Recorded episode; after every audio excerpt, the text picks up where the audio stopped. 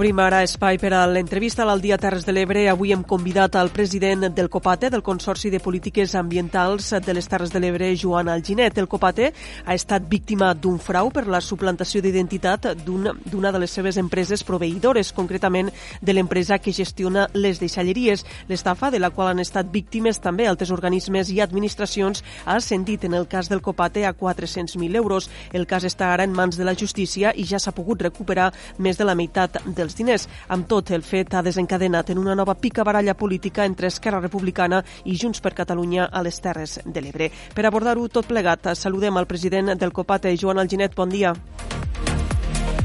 Hola, bon dia, Leonor. Anem a pans, explica'ns primer que res eh, com s'adona el Copate i quan de que està sent víctima d'una estafa. Bé, doncs, eh, efectivament, donarem compte a, al mes de, mes de novembre que hi ha una factura d'un proveïdor dels habituals nostres, és a dir, un dels que gestiona, entre altres, pues, la, les deixalleries de la Baix Ebre i el Montsià, que ens retorna una, una factura. Eh? Ve una devolució d'una factura, fet que alerta intervenció de que hi ha algun problema. Per tant, eh, se fa una trucada telefònica a l'empresa Norbert, que és una empresa filial del grup Sorier, i efectivament diu, bé, no és el nostre cas, és a dir, no, no és que no haguéssim retornat cap factura, sinó que realment portem uns mesos en què no hem rebut cap import de, eh, de, de, de copate. No? Això es detecta al febre. Eh? De fet, això eh, tot comença al novembre, quan rebem un correu electrònic eh, dels suplantadors, eh, de, de, dels delinqüents, en aquest sentit, pues que ens recomanen que a partir d'aquell moment, és a dir, a partir del novembre, se facin les aportacions, eh, les transferències se facin un número de compte diferent. En aquell moment el que fa intervenció és activar tots els passos i tot, totes les fiscalitzacions eh, habituals. Eh? Vam sol·licitar en aquell moment pues, un certificat a l'òrgan competent de l'empresa Norbert i un certificat que certifiqués de l'entitat financera que certifiqués el canvi i la titularitat del compte corrent. Això es va fer el novembre i va ser al febrer, és a dir, el dia 17 de febrer, quan se retorna aquesta factura, suposem també perquè mm, els estafadors ja tenien problemes amb els comptes corrents, perquè ens imaginem que no només han sigut víctimes eh, d'aquest grup d'Ocopate, sinó que devia haver altres, altres, eh, altres víctimes. I a partir d'aquí és quan se detecta que realment des de novembre fins a febrer havíem, fet, havíem estat fent uns pagaments a un número de compte que no corresponia al, al, a l'empresa, la qual havia certificat, evidentment, de forma suplantada, però amb totes les garanties, o està l'empresa comunitat financera, que aquell compte corrent al qual eh, comptablement el Copate feia els pagaments en base al CIF i al número de compte no corresponia a l'empresa originària. Vostè sempre ha dit que ha estat obra de professionals, no?, per la manera com s'ha procedit en, en esta estafa? Totalment, totalment, perquè des del primer moment fins que es va detectar, pues, tots els documents que aporten i que s'adjunten són eh, documents eh, que, evidentment, ara sabem que són falsos, però que en aquell moment ningú havia dubtat de la, de la oficialitat dels mateixos, no? des de les signatures fins als segells corporatius, estat tot, eh? està el correu electrònic, evidentment, corporativitzat en eh, Norbert, és a dir, tots els passos que van seguir eh, van, estar, van estar fets per autèntics professionals. Eh, I, efectivament, pues, això ha comportat que, entre altres coses, pues, bé, eh, haguéssim ja en part eh, recuperat gràcies a la resposta, eh, perquè en el moment que vam detectar vam ser molt ràpids i molt àgils, és a dir, el, 17, 17, el dia 17 de febrer vam detectar per la tarda, el dia 18 pel matí jo estava als jutjats eh, a presentar una denúncia i a partir d'aquell moment vam recuperar, gràcies a la, a la rapidesa a la nostra resposta, doncs vam poder recuperar uns fitxers i els pagaments se fan en base a uns fitxers, vam poder recuperar d'estos 400.000 i a 232.000. Evidentment, queden encara una important part. Però Creu que es podrà recuperar esta, esta part? Que, creu que es podrà recuperar esta part que queda pendent de, de recuperar? Bé, aquesta és la nostra, és la nostra voluntat eh, i, efectivament, pues, la nostra estratègia judicial pues, eh, anirà en la finalitat màxima de recuperar-los.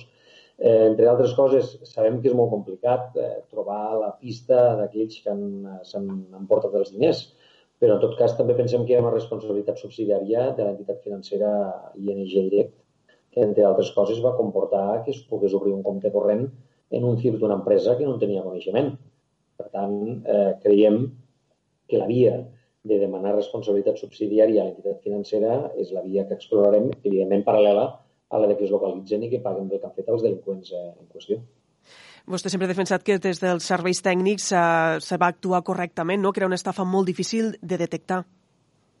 Sí, efectivament, i no som els únics. No? De fet, a finals de, a finals de desembre del 19, un ajuntament de Lleida, l'Ajuntament de Cervera, concretament, se li, li va passar el mateix a l'empresa adjudicatària dels serveis de la piscina municipal, en 137.000 euros, ho hem vist a l'Ajuntament d'Amposta, ho hem vist en algunes empreses privades, eh, perquè normalment també ataquen a, a les empreses privades, també als ajuntaments d'Horta de Sant Joan i, i Vandellós. Evidentment, tots estos en petita escala, eh, en, imports, en imports menors. Jo crec que la gran, l'import més gran eh, ha estat Copate, però sí, sí, efectivament, tots els filtres eh, se van activar com sempre s'activen. Jo crec que també això ens ha de fer obrir als representants de les administracions públiques la reflexió de que possiblement ens falta encara més formació o més instruments per combatre pues, aquesta mena de delictes.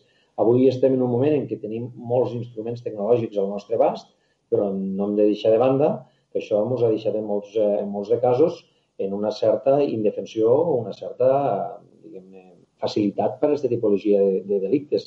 Eh, li posaré un exemple. No? Diu, abans sempre teníem el paper, eh? el paper oficial, aquell paper que tu feies un certificat, el firmaves i el segellaves i aquell paper era l'original.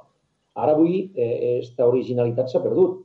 És a dir, vostè agafa un certificat, lo firma, li fica el segell, l'escaneja i l'envia, per tant, donant opció a que aquest document pugui ser manipulat, eh, falsificat i adulterat, i una volta l'has enviat, dius, bueno, i el document oficial què faig?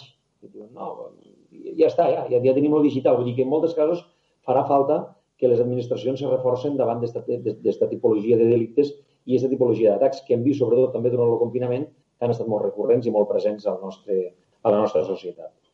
Vostè se n'adonen de l'estafa el 17 de febrer, tal com ens ha comentat abans. Ha mantingut informat en tot moment als membres del COPATE, als municipis que hi formen part? Efectivament. Nosaltres el que vam fer el mateix 18, a l'arribada del jutjat, vaig convocar la comissió de govern, eh, que és l'òrgan eh, executiu del consorci. Aquell mateix dia vam convocar junta, junta de portaveus per al dia, per al dia 20, eh, per al dia 20 de febrer, i efectivament, en tota la màxima transparència, vam informar tothom del que havia passat i de quins passos seguiríem a, a partir d'aquell moment. A l'endemà ens vam trobar també amb l'empresa, que evidentment també va servir per a posar damunt de la taula el que ens havia passat, i la setmana següent ja vam procedir, en acord de Junta de Govern, eh, contractar un advocat perquè ens portés la defensa. Durant tot aquest procés eh, hem tingut informat, sempre que hem tingut informació i sempre que m'ho han traslladat pues, les persones que porten el procés, eh, que són els advocats, hem informat els, els grups polítics, eh, que vull agrair-los, en tot cas, pues, el suport i la, i, la, i la complicitat que hem tingut durant tot aquest temps, eh, perquè ha servit per a, per ajudar doncs, bueno, a l'estratègia de, de poder enxampar les persones que ens havien fet, eh, que ens havien fet aquesta operació. Eh, a partir d'aquí eh, hem, de, hem de recordar, no? cau tot el que és l'estat d'alerta, eh, o l'estat d'alarma, perdó, des del 14 de, de, de març fins al dijous de la setmana passada els jutjats han estat tancats. En tot aquest impàs també s'ha canviat la jutgessa que portava el nostre cas, però efectivament el mateix dijous, abans de la Junta General, vam tindre una reunió amb els portaveus polítics i l'advocat que portarà la defensa i eh, divendres mateix l'advocat ja es va personar al jutjat doncs, per a intentar poder parlar amb la jutgessa i, i, bé, i recabar informació al respecte.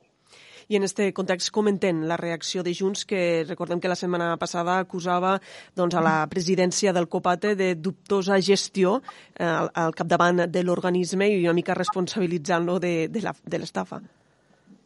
Bé, jo, en veritat, vull posar de manifest eh, no la part d'aquesta comunitat, que ja vaig expressar al seu moment que em semblava equivocat i que no havia estat eh, encertat, sinó la resposta de la majoria de dirigents i d'alcaldes i de regidors de Junts per Catalunya a les Terres de l'Ebre, que m'han fet arribar el seu escalf, el seu suport eh, al COPATE i, per tant, a, al president, en aquest sentit.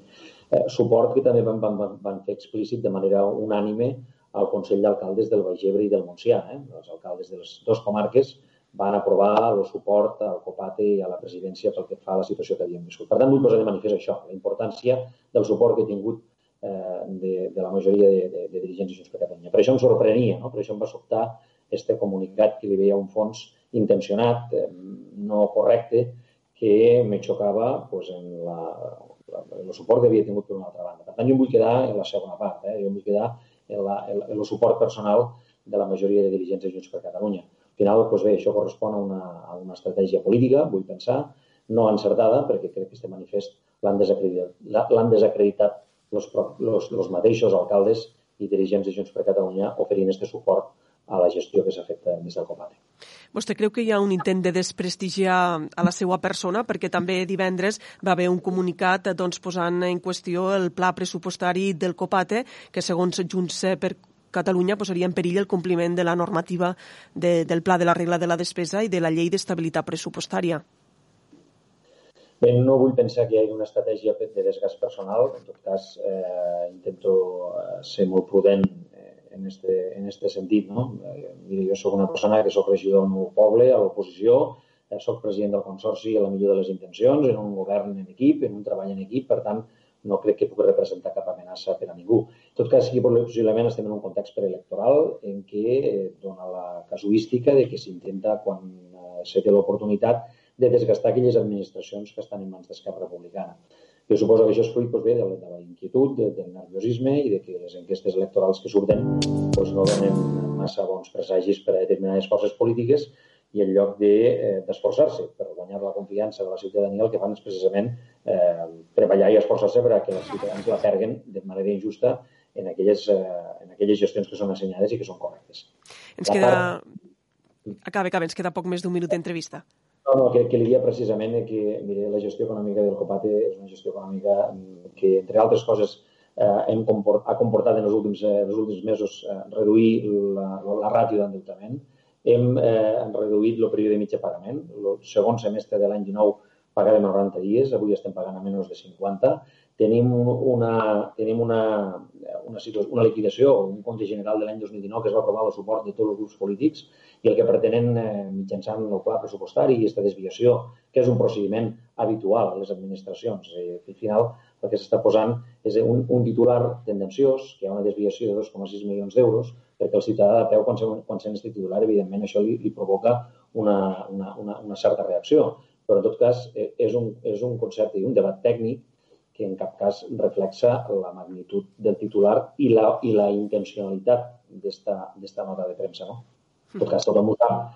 Eh, el procediment eh, que tenen és de fiscalitzar, i a mi em sembla molt bé que facin les funcions de fiscalització, és la seva, és la seva missió, però en tot cas també els pregaria que ara és moment de generar confiança i remar tots en una mateixa direcció, perquè al final el COPATE no perdem de vista que no és ni una diputació, ni un Consell Comarcal, ni un Ajuntament. És un consorci públic que presta serveis públics eh, ambientals i que, per tant, que, el que necessita és complicitat i confiança i no debats que vulguin confondre la, a la societat.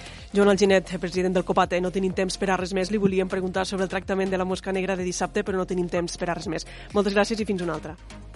Moltes gràcies a vosaltres.